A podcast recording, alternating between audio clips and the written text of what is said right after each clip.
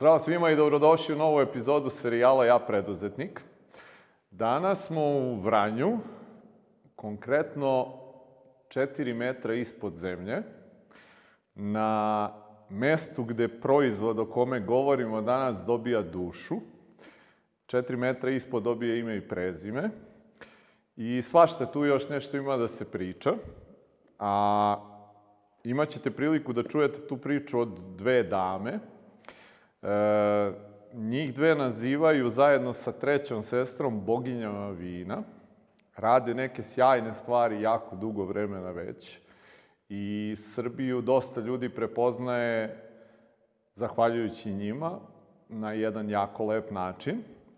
Pa da ne bih ja dužio priču o tome ko su one, šta su, šta rade, zadovoljstvo mi je da vam predstavim Draganu, koja će vam reći više nešto o svemu tome što sam ja sad ovako nagovestio i što možete da vidite ovde malo kod nas na stolu.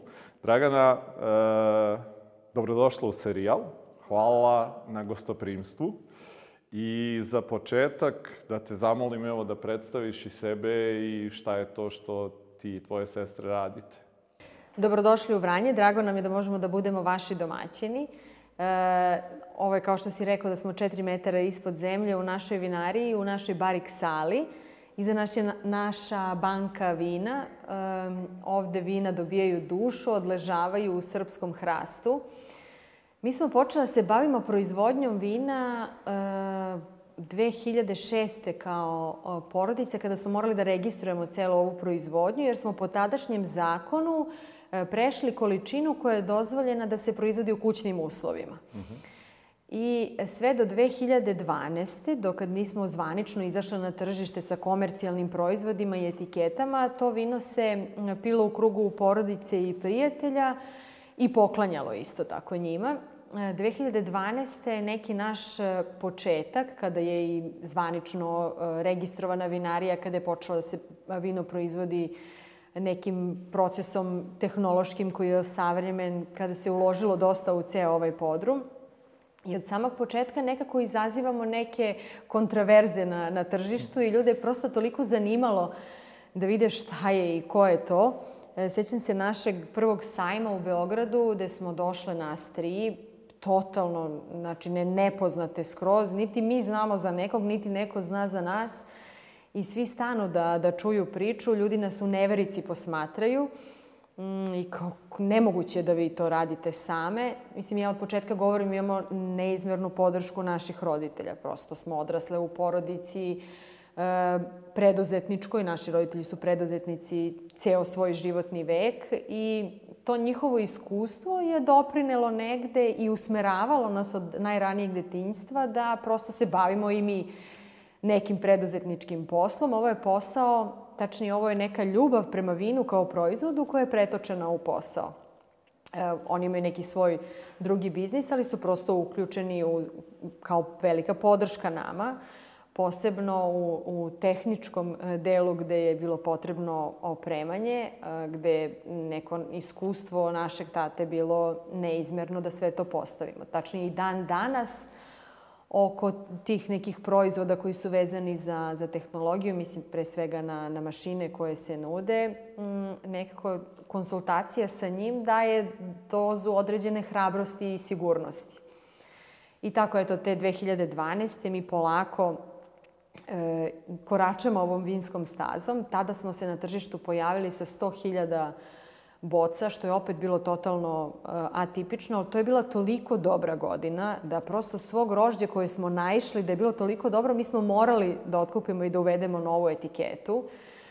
I, e, I to je ovde neko nepisano pravilo da kad je dobra godina, koliko god da si planirao, moraš da proizvedeš i, i duplo više, jer prosto možda sledeća bude neka katastrofalna. Mi na to ne možemo da utičemo, nažalost, ali to je jedna vrsta izazova u, u ovom poslu. Danas, eto, 2021. vinarija ima 500.000 litara proizvodnju, ima 15 etiketa, e, izvozi u sedam zemalja. E, kad kažem sedam zemalja, to zvuči puno, ali izvoz nama i dalje jako malo učestvuje u, u prodaji. Prosto mi smo orijentisani najviše na na domaće tržište i Srbija je jako mlada kao tržište, ali strašno brzo učimo i napredujemo, kako mi proizvođači, tako i naši konzumenti. Edukujemo se zajedno, zajedno rastamo, zajedno rastemo, stvaramo e, možda neke nove trendove i sigurna sam da ni po čemu ne zaostajemo za, za Evropom. Imamo i svoje autohtone sorte koje su možda i starije od nekih e, evropskih. Imamo jedan e, mali gep od 30 godina kada nismo preterano ulagali u vinarstvo i vinogradarstvo i to se možda sada uh, osjeća, ali ovo što se sada dešava sa našom granom, mislim da je neponovljivo što se tiče razvoja. I sadnje novih zasada i tehnološka oprema prosto u svakom podrumu je možda ista kao u bilo kojoj državi koja nije pravila pauze -hmm. u svemu tome. Otkud e, ta ljubav prema vinu? Rekla si da ste, ono, eto, neki šest godina radili to bez registrovane firme. Odakle ta ljubav potiče? Ljubav prema vinu je donela naša mama. Ona je poreklom iz Dalmacije i valjda je ona sa, sa sobom donela celu tu vinovu lozu i grančicu koju je ponela sa sobom. Uh, prosto oni su tamo navikli da imaju svaku svoje vino i one 96. kad su svi njeni došli ovde, nije bilo da se kupi domaćeg vina, bilo je samo neko industrijsko koje njima nije odgovaralo i onda su oni nagovorili da da krenemo da pravimo to u garaži. I bukvalno ja svoje detinjstvo pamtim, to jeste vino na stolu uz svaki obrok. Nije se čekala neka specijalna ili svečana prilika. Bilo je normalno da, da stalno konzumiram. I dalje tvrdim da smo predani toliko ovom poslu samo zato što je izrasto iz velike ljubavi. Ok, mislim, svaki posao gradimo i pravimo da bismo obezbedili neku budućnost, neku finansijsku stabilnost, ali jednostavno radite posao koji vam je ostao u nekom najlepšem sećanju u ranijem detinjstvu i I kada dođe neki taj težak moment, da kažete dobro, dosta mi je svega preko glave, mm -hmm. možda nije trebalo ovo da radim, naviru vam ta neka sećanja od ranije i onda jednostavno sve lakše bude. Mm -hmm.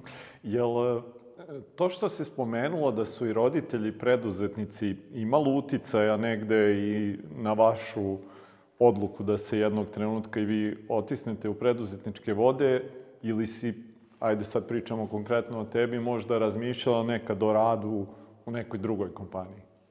To je imalo strašan uticaj na nas. Ja kao mlađa najveću e, beneficiju toga što su, to sada zovemo preduzetnik, to smo ranije zvali privatnik, mm -hmm je bilo to što oni mogu da idu na odmor kad hoće. Da uopšte ne mora da im neko odobri, nego prosto su na odmoru kad god hoće, a to u stvari sada vidim da nije tako i da ti nikada nemaš odmor i kad si na odmoru ti moraš da budeš dostupan svima. E, to mi je tada bila najveća prednost, a e, uopšte nijednog momenta nije bilo to da li mi treba da radimo u nekoj drugoj kompaniji, banci, ti bilo šta. Ja sam i posle studija imala ponudu koju sam nekako kategorički odbila. Za, možda e, je ispravnije da smo imale nekog iskustva u nekom većem sistemu, ispravnije, nije ispravnije, ali bilo bi lakše sigurno, mm -hmm. Da smo došli sa nekim već e, predznanjem, sa procedurama nekim, sa nečim što je već ustavljeno i da to onda samo treba da primenimo kod sebe. Sigurno bi bilo malo lakše. Ovako je došao nek, dođe neka trenutak da ti prosto ne znaš gde ćeš dalje, šta dalje. Moraš da stalno učiš, da stalno napređuješ svoj sistem, a sve to ide od tvog iskustva i nekog osjećaja. Znači, nije ni neko tamo platio nekome da napiše proceduru, nego je prosto uvodiš od starta i ta procedura i to unapređenje poslovanja se zajedno razvija sa tobom i raste. Ja, kako mi kao organizacija smo rasli, razvijali se, kao i moje godine, mislim, kako smo bili stariji, tako i sve ovo raslo i došlo do tog nekog nivoa. Ne mogu da kažem da je to sada idealno, ali mi je bitno da je svake godine bolje nego što je bilo prethodne. Mm -hmm. Da stalno ima neki, neki napredak. Iskustvo i saveti naših roditelja su prosto nemerljivi. I možda nam je negde bilo lakše i kod banaka, i kod dobavljača, i kod svih kad se pojavimo, sa opet nekom preporukom. Mnogo je lakše da bilo šta dobijete nego da samo dođete, dobar dan, predstavite se i da, da vam daju sve. Mm -hmm. Kako su ti početci izgledali, eto to, e, kad kažeš da ste negde 2006. ovaj, krenuli e, da proizvodite vino, koliko vas tu u stvari ima kad kažete u množini, kad da, kažeš? pa to je bilo porodično. E, tu je deda, tata, mama i nas tri. Mislim, ova najmlađa sestra je baš, baš bila mlada. I to se bukvalno radilo u garaži, eto, njih troje neka je to radilo, nije, nije više.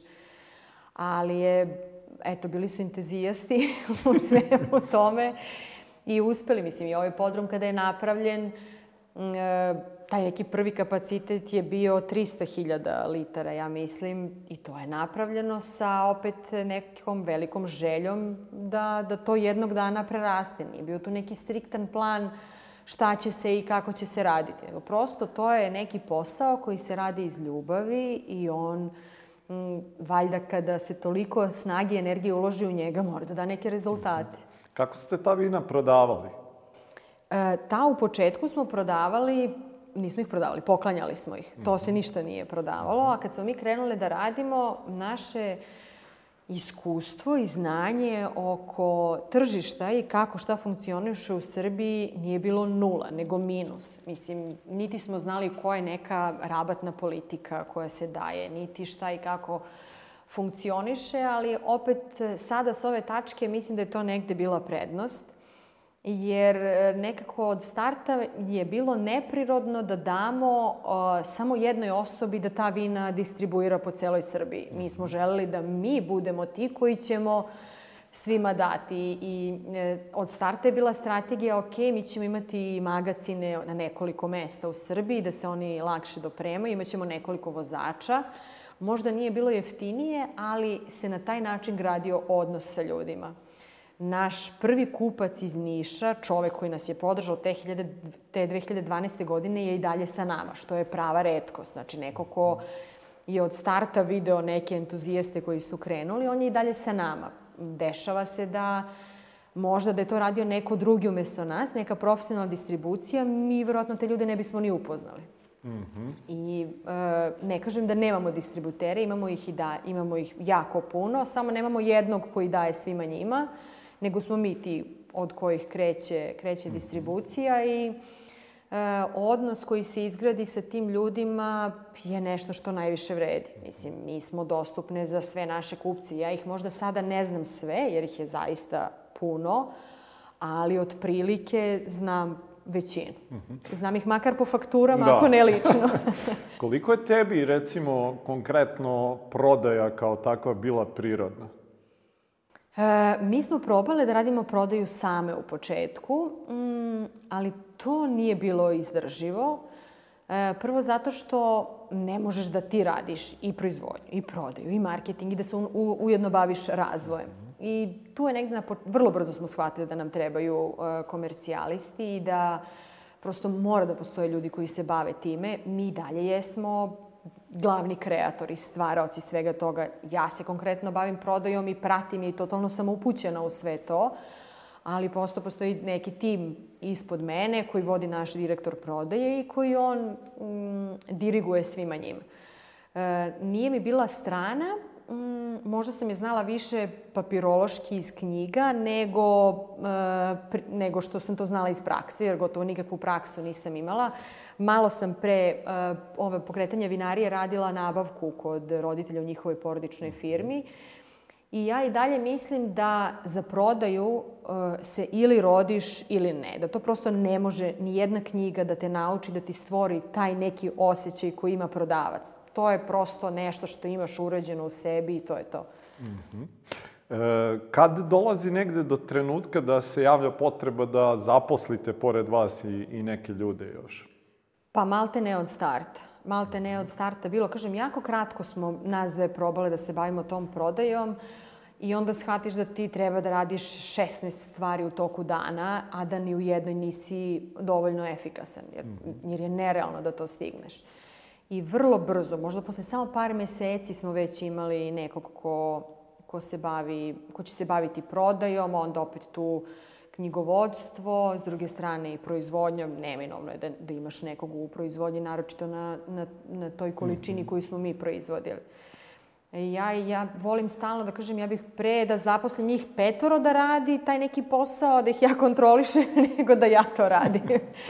Jer zaista mislim da ljudi koji su e, vlasnici koji eto, štite, obezbeđuju taj neki kapital, da treba da se bave nekim strateškim pitanjima, ne, mhm. ne operativnim. Znači, nije cilj da ja znam da zavrnem šraf, ok, znam verovatno, ali nije cilj da ja to radim, a da neki drugi posao koji je od strateške važnosti e, trpi. Mm -hmm. I s druge strane, opet kod nas u firmi se jako brzo donose uh, odluke. Ja, mislim, to je bukvalno za jedan dan bilo ko iz prodaje da ima koji zahtev iz logistike, iz knjigovodstva, to se jako brzo reši jer smo dostupne svima i drugo, vrlo sam svesna koliko je bitno da se na to odreaguje e, jako brzo. Posebno ako je neka odluka nešto vezana konkretno za nekog kupca, To mora da se odreaguje brzo, jer će ovaj drugi možda odreagovati brže i izgubit ćete svoju poziciju na, na tržištu. Šta su vam bili neki izazovi kad su se pojavili sad ti neki ljudi koji su bili zaposleni, a niste imali do tad iskustva vođenja ljudi? Šta su možda bile neke stvari sa kojima ste se tad, tad po prvi put možda susrele i morale da rešavate? Sve je bio izazov. Bukvalno je sve bio izazov od postavljanja ciljeva, to jest targeta, šta i kako ćemo, jer mi smo izašli sa velikom količinom na tržištu.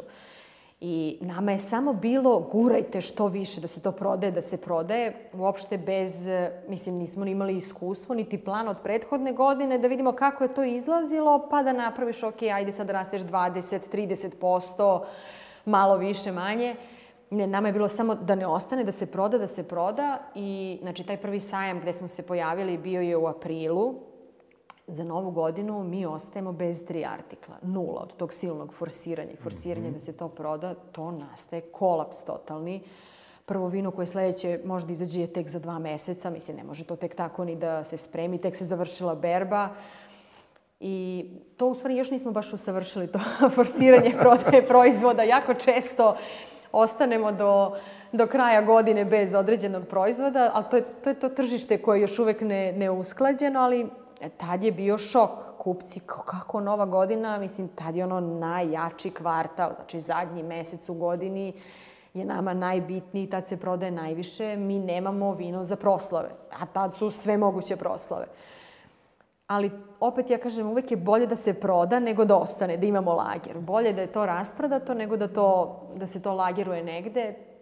I eto, svake godine imamo proizvod koji, e, koga nema za novu godinu. Imamo te žuti cvet tamjaniku koju, koja, mislim, raste ove godine u odnosu na 2019. 150%. Pa, mislim, ko, ko od nas može to u septembru, kad je berba, da da prognozira. -hmm. Niko. Mislim, čak i, ja kažem i kad bi mi došao direktor prodaje i rekao, e, ovo će da raste 200%, ja bih mu rekla, važi. Mislim, to je nerealno je. I ti planovi su e, uvek kada ih pravimo deluju tako nedostižni i toliko visoki. Čak i kad prezentujemo komercijalistima, mislim, to, kao, to je nerealno, nemoguće, a e, svaki kvartal su prevaziđeni.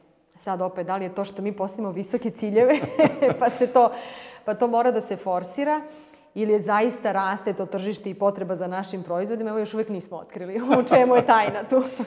E, kad se pojavila ta potreba za ljudima e, koji bi trebalo da vam pomognu u ostvarenju ciljeva, šta ti je bilo važno kod njih? Šta si gledala u njima? Uvek mi je bitna lojalnost tih ljudi, znači koliko će oni, jer ovo nije, nije korporacija, znači mi smo ovde nekako svi bliski usmereni jedni na drugi i mora da se uklopiš u taj tim ako ćeš kod nas da funkcionišeš, u suprotnom se stvara negativna atmosfera.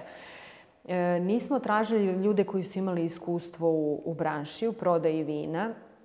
E, bilo mi je bitno i da budu mladi, da, da osete tu celu energiju i stvarno su svi ljudi koji rade prodaju mladi, mislim, naših godina i uvek su, su bili tu. Mm, iako mi je bilo bitno da budu uporni, jer ovo je posao, tačnije prodaja koja zahteva nenormalnu upornost, jer ovde imaš dva puta godišnje kada se rade vinske karte i ako ti dođeš u, zakasnio si za prolećnu, ti moraš da budeš uporan do zimske, da bi završio na vinskoj karti. Ako ne završiš na toj vinskoj karti, nema ti od prodaje, ne možeš da se prodaješ.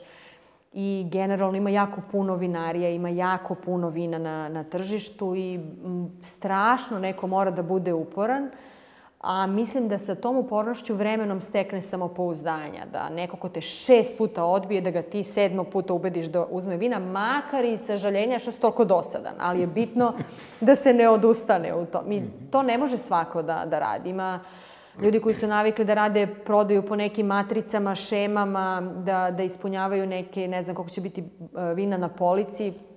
Kod nas to nije, jer kod nas je i dalje najveći broj e, vina se proda kroz, e, kroz horeku. Znači, polica nama učestvuje nešto malo više tek od, od korone, kad smo bili zatvoreni, nije radila horeka i onda smo se raširili kroz, kroz maloprodaju. Mm -hmm. Kako ste ti i Maja raspodelili neke obaveze unutar e, firme? Pa ja radim prodaju, Maja radi proizvodnju e, i meni je jako drago što se ne mešam u proizvodnju. Prosto to, eto, jednostavno nije moja grana gde bi mogla da funkcionišem, a što se tiče ostalih nekih bitnih e, strateških odluka za firmu, to radimo zajedno. -huh. I mislim da, da je to tako jedino ispravno, da svako uh -huh ima neku svoju odgovornost i da ti ljudi koji rade za vas znaju kome treba da se obrate oko, oko nečega. Mm -hmm. Koliko ste vas dve slične ili različite? Pa, koliko smo slične, toliko smo različite. To je onako, mislim, generalno, uh, mislim da taj deo koji je oko posla, da smo tu vrlo slične i da tu prosto imamo, to ipak mislim da ide iz porodice, jer smo sestre i jako smo bliske i da znamo otprilike šta i kako je, koja je granica. Znači, koja je granica i kad je vreme za promene. To je definitivno nešto, jer prosto kad nešto onako ide lepo i stihijski, možete da se uljuljate. I jako je bitno prepoznati moment kad nešto treba da se, da se menja, a da nije kasno. Jer ako menjate kad je kasno, tad ne vredi posle. Tako da naš dve smo jako slične što se, što se tiče toga, ali imamo različite interesovanja što se tiče posla. Mislim da i tu naše obrazovanje nas je u startu razdvojilo, ali da taj neki moment e, ekonomičnosti i razvoja je e, jako sličan u tim granama u kojima funkcionišemo. Kad treba da se donese neka odluka, e, kod tebe lično logika ili intuicija, šta ima veću prevagu? Ja, u ovom poslu nema logike.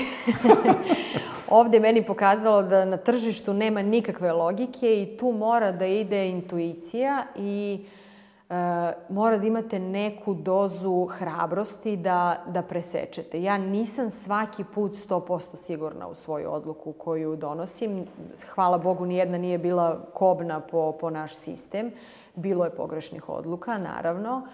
I ima momenta kada je teško da, da prevagnete šta i kako, ali nekako mi je bitno da doneseš odluku. Pa makar ona bila i pogrešna, makar si presekao. Ali logika jako redko je prolazila mhm. ovde. A kad e, ti imaš jedno mišljenje, a Maja drugo? Mora kako? da prenoći. Mm -hmm. Mora da prenoći i onda nam treba neko treći koji će da, da presudi da li je to neko iz tima vezano za koji se donosi odluka ili opet neko iz porodice, ali tad mora da prenoći i normalno je da imamo sukob mišljenja oko, oko takvih stvari. Prosto mislim da nije ni normalno da svi gledamo isto na sve.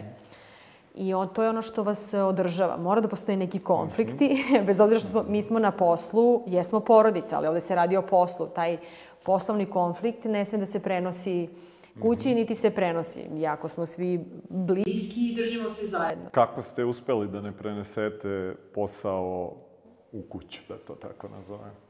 Dobro, to nije da nije prenešeno. Svako neko zajedničko kupljanje se dotaknemo teme, jer ja, ja mislim da je to život preduzetnika, da prosto oni kad mu je najlepše, on razmišlja o poslu. Bez obzira da li to neko veliko slavlje ili proslava, nega negde brine šta se tamo dešava i to je normalno da se, da se radi, ali eto da neka nesuglasica koja je ovde ne treba da se, da se odražava na taj familijarni skup. Mm -hmm. Koliko danas uh, roditelje uh, konsultujete za neke stvari? Uh, pa možda sve manje oko te prodaje i proizvodnje, uh, gde su najviše trenutno uključeni, to su vinogradi. Uh, i ta proizvodnja grožđa, posebno tata, jer mm, to je posle deset godina došla kao neka nova etapa u, u našem poslovanju i mm, jednostavno to traži da si posvećen 100%. Mi niti imamo iskustva i znanja sa tim, niti možda vremena, jer prosto ni prodaja, ni proizvodnja ne smeju da trpe, tako da smo onako zdušno to njemu prepustili da se bavi time i dobro mu ide za sada. A, koliko je tebi bilo izazovno, e, veliki broj preduzetnika i preduzetnica ima problem sa delegiranjem.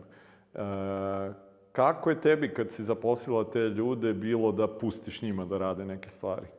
Pa lako, zato što sam ja jednostavno neko ko dosta voli da neko umesto mene to uradi.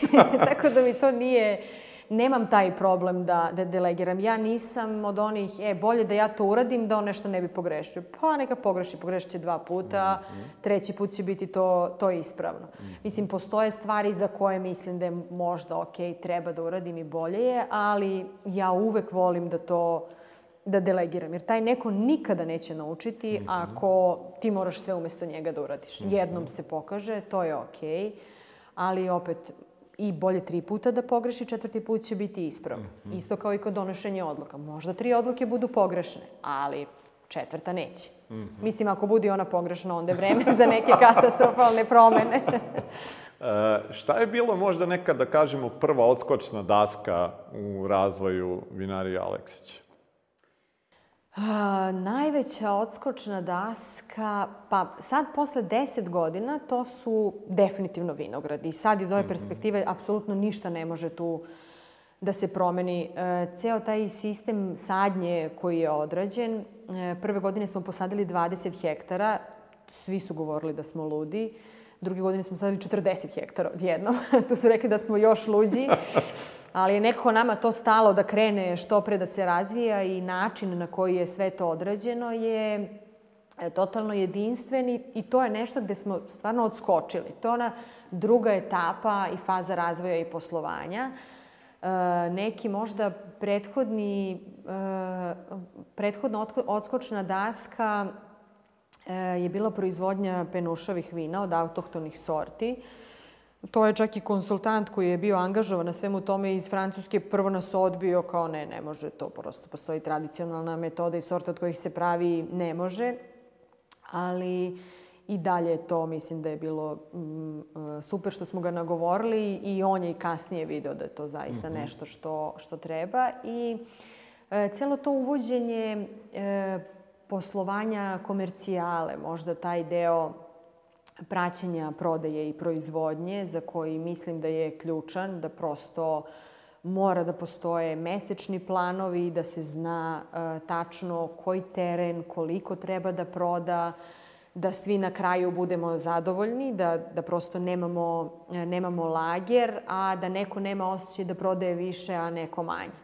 Mm -hmm. I kod nas je to po regijama podeljeno već, pa ja mislim, jedno šest godina da postoje ti E, mesečni planovi. Naravno, ne držimo se slepo toga. E, postoje godine kao što je korona, kad smo imali april 2020, ne, 2020. kada nije bilo, ja ne znam, nešto tipa 100 boca je možda izašlo. To, znači, jednostavno, ne može sve uvek da se, da se predvidi, ali to planiranje je ključno. Da li je to prodaja, da li je proizvodnja, da li je razvoj, mora da postoji i mora stalno nešto da se inovira i ulaže. E, to je zdravo za okruženje, za, za zaposlene pre svega, da oni stalno osjećaju da se tu nešto radi, razvija i da je bolje.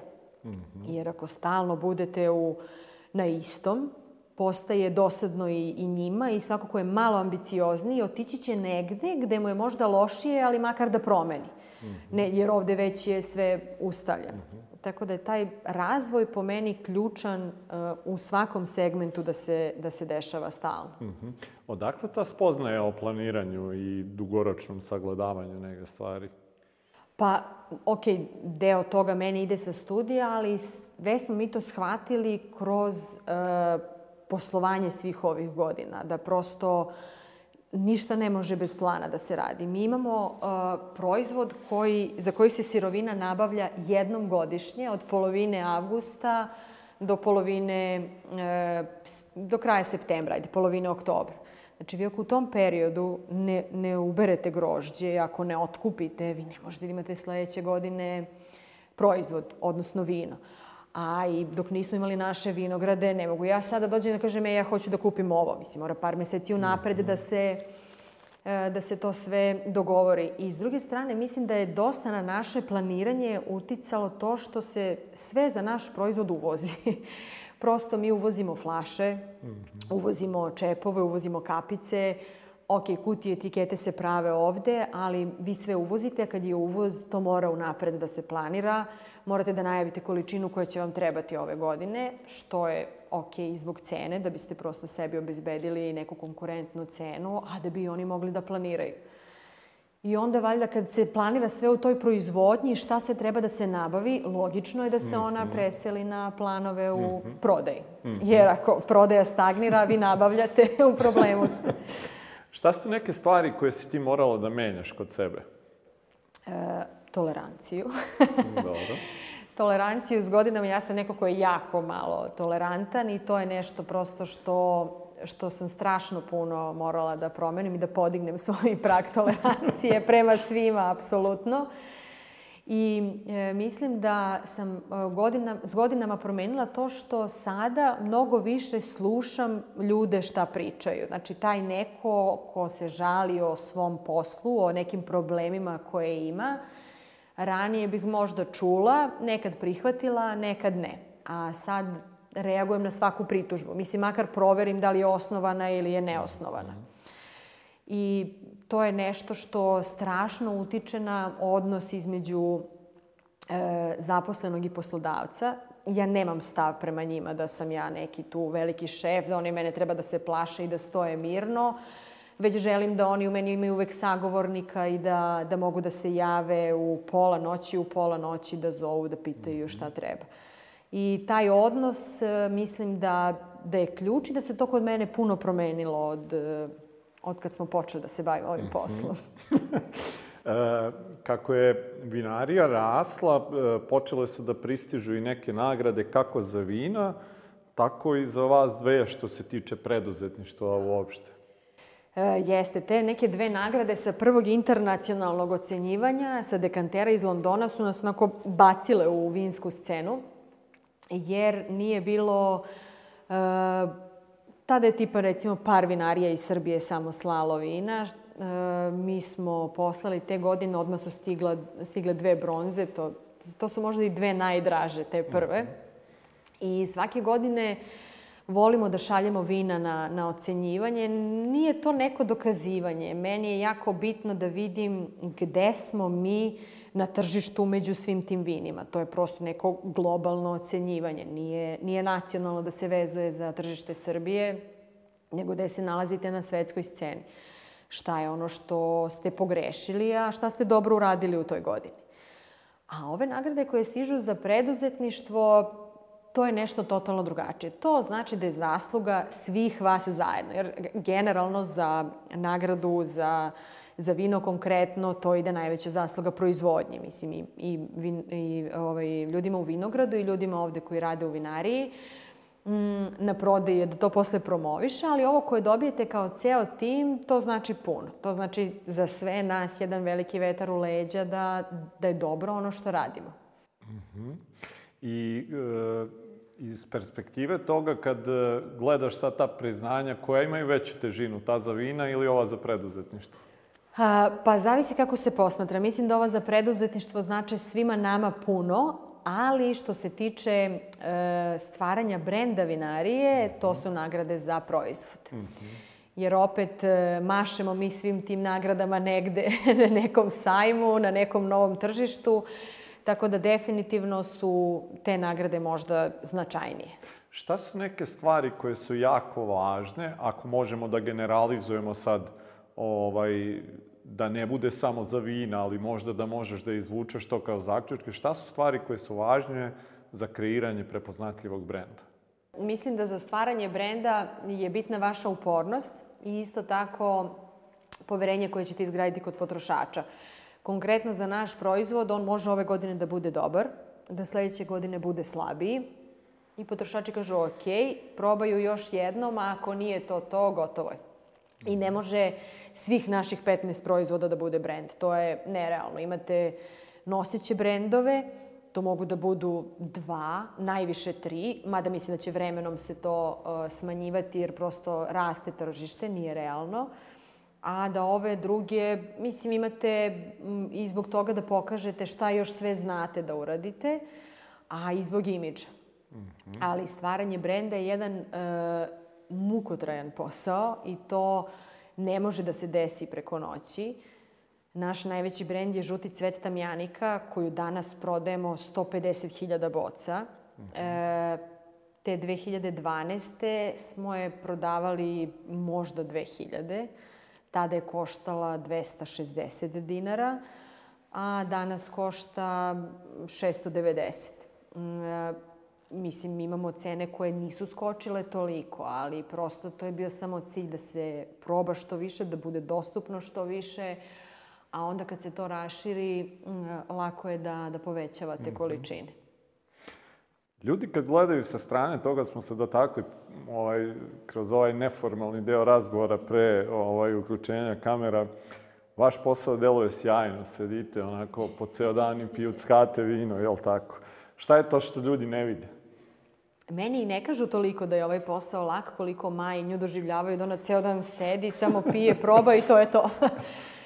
E, ne vide mnogo toga i, e, iza, iza zavese, kako bih rekla. Prosto e, dotakli smo se toga da mi grožđe imamo jednom godišnje samo na, na raspolaganju, ali dok dođe do tog grožđa ima mnogo toga da se desi. Vi imate vinograd koji je fabrika na otvorenom, koji ne utičete na kišu, na sunce, na mraz. Prosto možete vi da se branite do neke određene granice, ali kad budu neke ekstremne godine, ne može. Kao što je bila 2014. godina sa onim poplavama, vi ste bili po, potpuno nemoćni tada.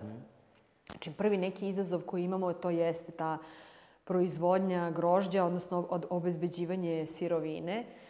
E, zatim imamo tržište i prodaju, koje je onako poprilično e, neuređeno i mislim možete da plivate samo ako su vam uh, sve oči onako otvorene, sve fokusirani i skoncentrisani. I uopšte nije lako danas e, prodati vino. Mislim, imate skoro 400 vinarija u Srbiji. Ne, pa neka bude četiri etikete da je prosek, pa to je već dovoljno. Nije, nije lako doći do, do svoje pozicije E, na tržištu, da ne ostavljate, da nemate zalihe, da ne prebacujete ništa sledeće godine, da bude to sve na vreme ispražnjeno, da bi se primila mm -hmm. nova berba. E, vino je generalno novi proizvod u Srbiji i koliko god da mi imamo ranije tradiciju i kroz naše pesme opevane i sve to, vino je, se smatra ekskluzivom. Mislim, daleko od toga da danas i može neko da živi bez vina kao što recimo ne može bez hleba. I taj moment e, prosto treba da se stvori klima u državi da vino e, postane svima dostupno, da se stvori navika da ga ljudi kupuju i konzumiraju. To je neki proces koji je na dobrom putu, na mnogo, mnogo boljem nego što je bio pre 10 godina, a verujem da će za 10 biti još bolje. Mm -hmm. Sve to sad što si nabrojala e, sigurno donosi sa sobom i određenu količinu stresa. Da. Kako se ti nosiš sa tim? Pa rekla bih dobro. rekla bih dobro, mislim, to je, mm, preduzetništvo je generalno jedan stresan posao. Mislim, ne, možda neka branša, ne znam, koja je totalno neka uslužna, pa da nema stresa. Niti verujem da danas nečiji život uh, nema stresa, ali to je kod mene budi stalno neki drive dalje koji će da vas vozi. Mislim, prosto kad taj stres se pretvori u neku energiju da, da, da gurate dalje, da može, da ide to sve, onda mislim da je to okej. Okay. I mora da imate neki luft, nešto kad se preseče, kaže ok, danas mi ne ide i neću ništa da radim, prosto mhm. sve ide naopako, a ima takvih dana. I to su najčešće ponedljak ili petak. Znači to kad krene neki haos petkom, prosto ne znam kad će više da stane i da se završi. Mm, ali je e, bitno da se taj stres e, ne prenosi dalje e, u krug prema zaposlenima, nego ga preseći, stopirati, jer onda se samo stvori neka bespotrebna negativna atmosfera. Mm -hmm. Šta je nešto što ti onako sebi daješ odušak? Šta su te neke aktivnosti koje te pa, relaksiraju? Da, imam e, dve vrste oduška. Jedan je koji provodim sa porodicom i sa decom i stvarno neki odlazak sa njima bilo gde, makar i na njih, njihove aktivnosti je e, no stress period i no stress vreme. A druga vrsta su moje drugarice i neka naša vinska putovanja sa, mm -hmm. sa tim drugaricama. To su mi vinske drugarice sa kojima imam, eto, ajde sad je korona i to se sve poremetilo, ali imam taj neki period kada odem, to nije ne znam koliko dana, to je tri ili četiri dana, ali znači da se, da se resetuje. Mm -hmm.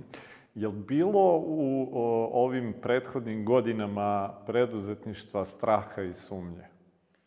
Bilo je. Bilo je straha strašno puno prošle godine. Čak taj strah koji smo dobili tokom korone i dalje tu negde postoji.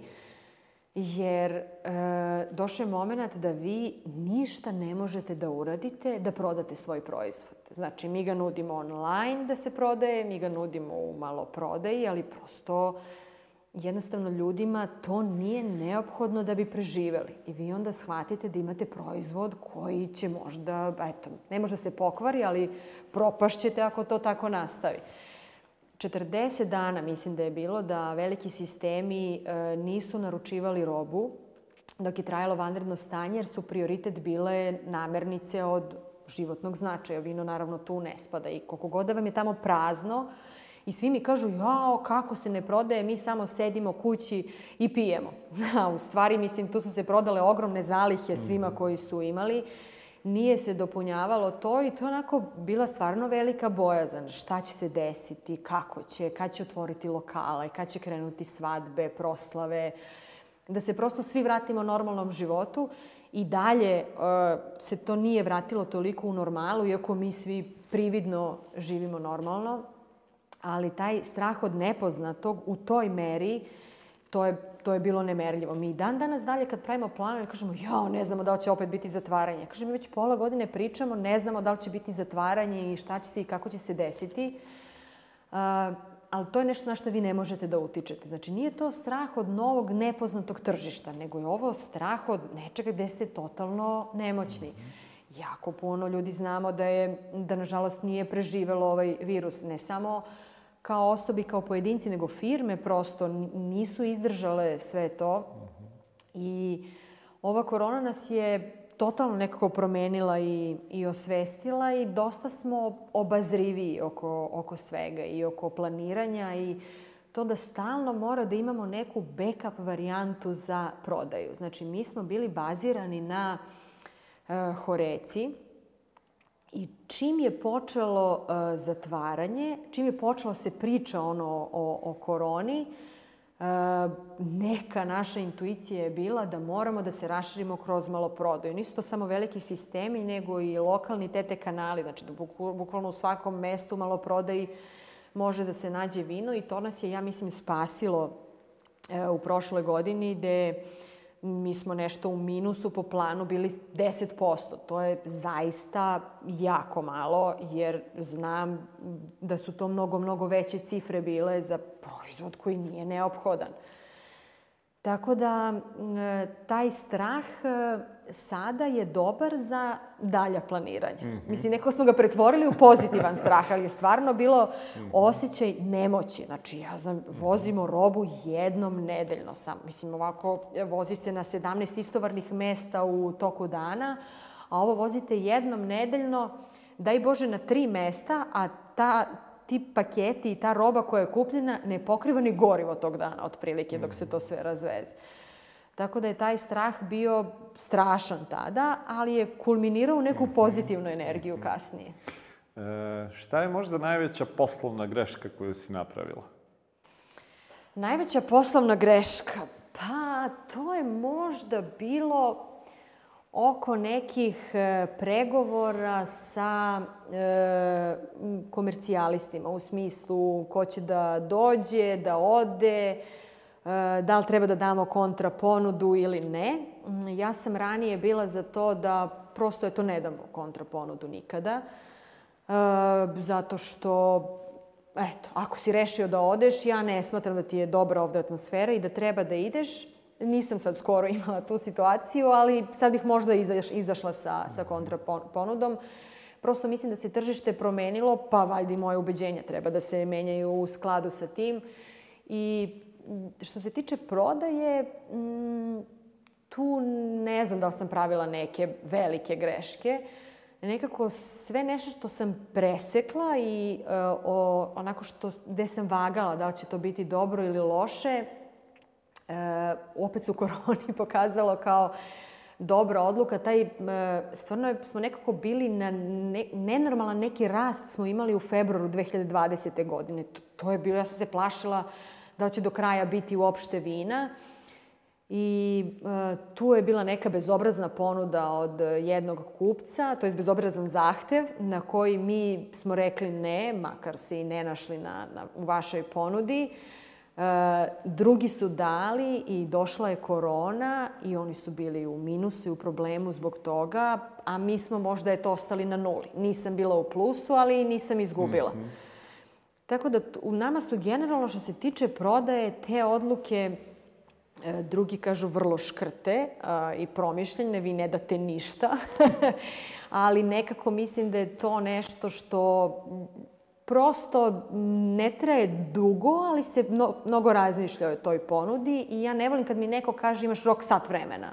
Mislim, mora da imam rok bar do sutra. Znači, ništa to nije što će se promeniti za, za sat vremena i šta god da se dogovorimo da je naša konačna odluka, ona prenoći do sutra da vidimo da li je, da li je ispravna. Mm -hmm. Šta su neke ključne stvari koje si naučila od Maje?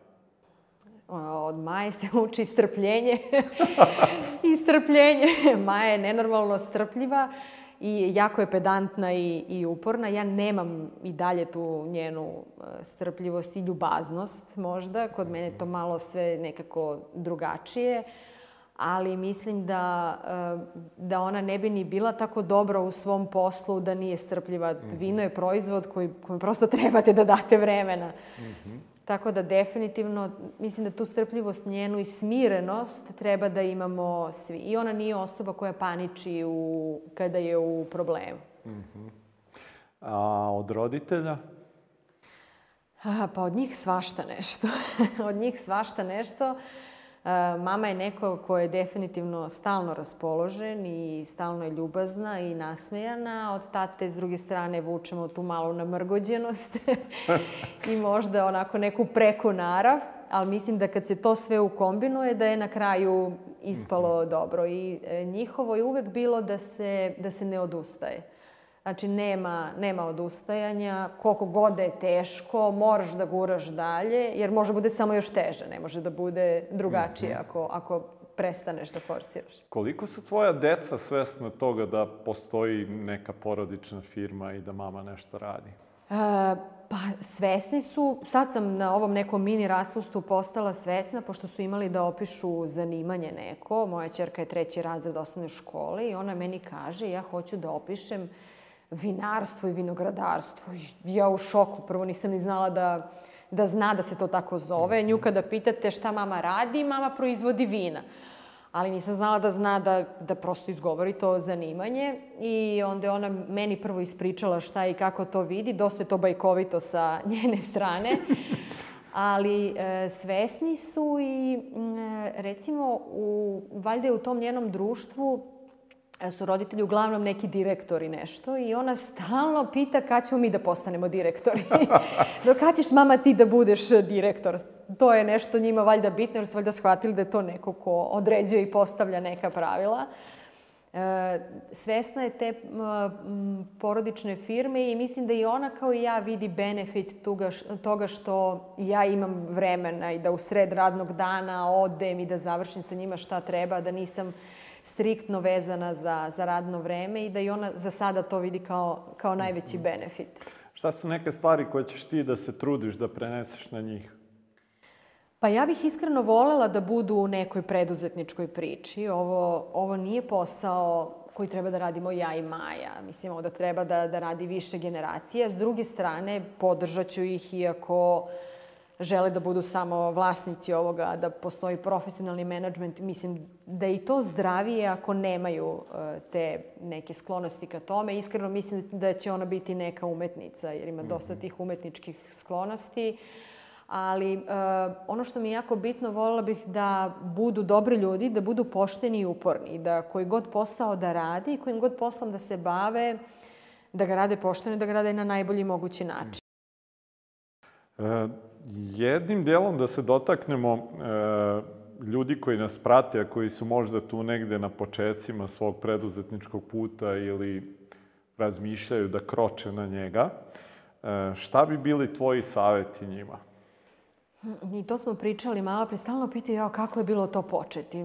Mislim da je lakše početi nego istrajati. I jako je bitno da, da istrajete prvo u svojoj nameri ako hoćete da se bavite tim poslom, znači da ćete ga pokrenuti, a onda i kada pokrenete taj posao ne može da bude sve med i mleko, mislim. Mm -hmm. Prosto ima teških momenta koje morate da istrajete da, da prevaziđete. E, morate da budete odlučni, jako, E, ne sme da se čeka dugo na, na donošenje odluka. Možda u nek, neki, neka branša to dozvoljava, nama naša to nije, nije dozvoljavala. I morate da budete stalno inovativni, jer mislim da bez inovacija, na koji god način da unosite inovaciju u, u svoj posao i u svoje radno okruženje, bez njih ne možete dalje. Inovacije su ključ za e, dalji uspeh. Mm -hmm. e Dragana, pitanje sa kojim završavamo naše razgovore, da sad imaš nekoga, odnosno da ti sad budeš mentorka Dragani sa svim ovim što znaš, u toj 2006. ili 12. izaberi sama, e, šta bi bili saveti koje bi dala sama sebi? Moram na 12. Ona je veći reper mm -hmm. nego, nego šesta. Uh, ja sam u jednom trenutku mislila da je pogrešan način na koji smo e, krenuli u sve ovo. Sada verujem da, da je dosta dobar i da to što nismo znale tada puno o ovom poslu, da je bila naša najveća prednost, jer imate mladost i volju i želju da, da to gurate i mi smo bili nezaustavljivi u početku. Tako da možda bih rekla da bude više tolerantnija i strpljiva u svemu. Mm -hmm. I da možda nam je falilo malo predznanja o tržištu. Samo malo da smo nešto mm -hmm. znali. Ne kažem da bi bio ne znam koji uspeh, bilo bi samo lakše. A uspeh veći od ovoga mislim da nije realno da, da očekujem. Mm -hmm. Jel bi poslušala ta Dragana tad te savjeti? Sigurno ne bi. Sigurno ne bi. je se to promenilo sad malo vremenom? Jeste, jeste. Vremenom se promenilo. Ja sam vremenom naučila da slušam i starije i mhm. iskusnije i da slušam savete. Ta, ta moja tvrdoglavost stvarno popušta uh, sa tim nekim iskustvom ko, koje mi nailazi prosto i mhm. kroz posao i kroz godine, a ta tada sigurno bi išla glavom kroz zid, glavom kroz zid. ok, Dragana, hvala ti stvarno puno na odvojenom vremenu. Hvala Želim tebi. Želim vam puno uspeha, u zdravlje, pa da se ponovo uskoro vidimo kod nas, a sad slušamo drugu damu. Uzdravlje i vama. Živeli.